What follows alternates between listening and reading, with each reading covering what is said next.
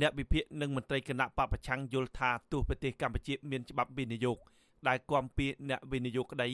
ក៏មិនអាចតាក់ទាញឈ្មួញធំធំនៅក្នុងប្រទេសលោកសេរីបានដែរព្រោះរដ្ឋាភិបាលរបស់លោកហ៊ុនសែននៅរយៈពេលចុងក្រោយនេះផ្កាប់មុខទៅរកចិននិងមិនបានស្ដាប់ពីកង្វល់ឬការចង់បានរបស់ប្រទេសលោកសេរីនោះទេក្រុមអ្នកវិភាគលើកឡើងថាអ្នកវិនិយោគបរទេសភាគច្រើនមុននឹងទៅរកស៊ីប្រទេសណាមួយ លុះត្រាតែមានការបើកភ្លើងខៀវពីរដ្ឋាភិបាលរបស់ពួកគេជាមុនសិនអ្នកវិភាគនយោបាយដែលកំពុងភៀសខ្លួននៅក្នុងប្រទេសហ្វាំងឡង់លោកកឹមសុខសង្កេតឃើញថារដ្ឋាភិបាលតែងតែលើកឡើងជាញឹកញាប់ថាពួកគេព្យាយាមរកមធ្យោបាយដើម្បីជួយសម្រួលដល់អ្នកវិនិយោគក៏ប៉ុន្តែជាក់ស្ដែងក្រមមន្ត្រីរបស់លោកហ៊ុនសែនប្រព្រឹត្តអំពើពុករលួយ ដែលធ្វើឲ្យអ្នកវិនិយោគស្អាតស្អំមិនអាចរកស៊ីនៅក្នុងប្រទេសកម្ពុជាបានឡើយចំណុចមួយទៀតលោកកឹមសុខសង្កេតឃើញថាអ្នកវិនិយោគ នៃប្រទេសលោកសេរីមិនងាយមករកស៊ីនៅក្នុងប្រទេសណាដែលមានករណីលំលោភសិទ្ធិមនុស្សនិងប្រជាធិបតេយ្យដោយកម្ពុជានោះឡើយត្រូវធ្វើ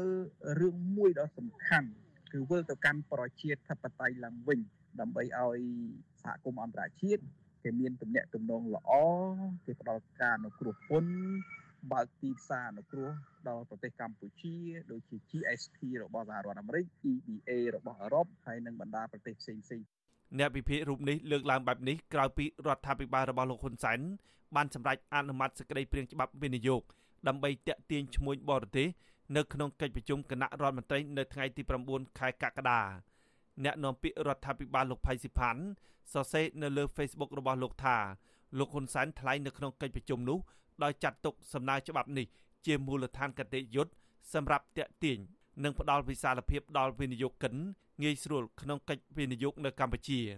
ប្រពន្ធដដែលថាលោកហ៊ុនសែនយល់ថាសន្តិភាព និងស្ថិរភាព គឺជាកត្តាអាទិភាពមួយដែលនាំឲ្យបរទេសមកវិនិយោគនៅក្នុងប្រទេសកម្ពុជាបើទោះបីជាពិភពលោកកំពុងប្រឈមនឹងបញ្ហានយោបាយនិងពាណិជ្ជកម្មក្តីអាស៊ីសេរីមិនអាចតាក់ទងសុំការបញ្យល់បន្ថែមពីខ្លឹមសារនៃសេចក្តីព្រាងច្បាប់នេះពីលោកផៃស៊ីផានបានទេដោយទូរស័ព្ទហៅចូលគ្មានអ្នកទទួល តែទោះជាយ៉ាងណាលោកហ៊ុនសែនបានបង្ហោះពីលទ្ធផលនៃកិច្ចប្រជុំនេះនៅល្ងាចថ្ងៃទី9កក្កដាថាសេចក្តីព្រាងច្បាប់នេះបានកែសម្រួលនិងធ្វើឲ្យប្រសើរឡើងនៅនីតិរដ្ឋរដ្ឋបាលពាក់ព័ន្ធនិងយន្តការស្ថាប័ននិងនីតិវិធីនៃការស្នើសុំចុះបញ្ជីគម្រោងវិនិយោគដែលមានលក្ខណៈសម្បត្តិគ្រប់គ្រាន់សេចក្តីព្រាងច្បាប់នេះនឹងបង្កើនភាពប្រកួតប្រជែង និងតាក់ទាញរបស់ប្រទេសកម្ពុជាពីសំណាក់វិនិយោគិននិងកាត់បន្ថយពេលវេលាចំពោះនីតិវិធីមួយចំនួនព្រមទាំងផលប្រយោជន៍ជាច្រើនទៀត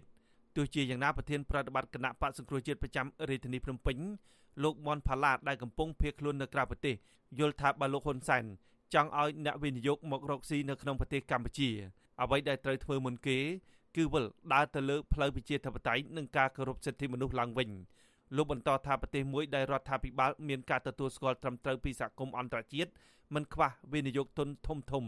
និងពិតប្រាកដមកបណ្ដាក់ទុននោះឡើយ។ ប្រជាជនរបស់យើងមានជីវភាព មានការងារធ្វើ មានសុខុមាលភាពនៅក្នុងការរស់នៅចាំបាច់ត្រូវតែវិលត្រឡប់មករកភាពប្រក្រតីឡើងវិញនៃការដឹកនាំក៏ដូចជាវិលមកនៅប្រជាធិបតេយ្យពិតប្រាកដតាមរយៈការបើកផ្លូវឲ្យគណៈបកសង្គ្រោះជាតិធ្វើដំណើរការឡើងវិញនៅពេលដ៏ខ្លីខាងមុខនេះបាទកិច្ចខិតខំប្រឹងប្រែងរបស់រដ្ឋាភិបាលដើម្បីតាក់ទាញវិនិយោគមកពីបរទេសនេះ បានកើតមានឡើងក្រោយពីប្រទេសកម្ពុជាបានបាត់បង់ឋានៈអនុគ្រោះពន្ធ EBA ចំនួន20%ពីទីផ្សាររបស់សហភាពអឺរ៉ុបដោយសារតែមានករណីរំលោភសិទ្ធិមនុស្សធ្ងន់ធ្ងរជាប្រព័ន្ធតាមរយៈកាតព្វកិច្ចបង់ពន្ធនេះកម្ពុជាបានខាត់បង់ទឹកប្រាក់ប្រមាណពី120ទៅ200លានដុល្លារសហរដ្ឋអាមេរិកក្នុងមួយឆ្នាំឬអាចច្រើនជាងនេះទៀតបើសហភាពអឺរ៉ុបសម្រេចបន្ថែមទណ្ឌកម្មលើរបបក្រុងភ្នំពេញចំណែកសហរដ្ឋអាមេរិកវិញមកដល់ពេលនេះ ក៏មិនទាន់បន្តសុពលភាពប្រព័ន្ធអនុគ្រោះពន្ធទូទៅឬ GSP ឲ្យកម្ពុជានៅឡើយដែរខ្ញុំបាទហេងរស្មី អាស៊ីសេរីពីរដ្ឋធានី Washington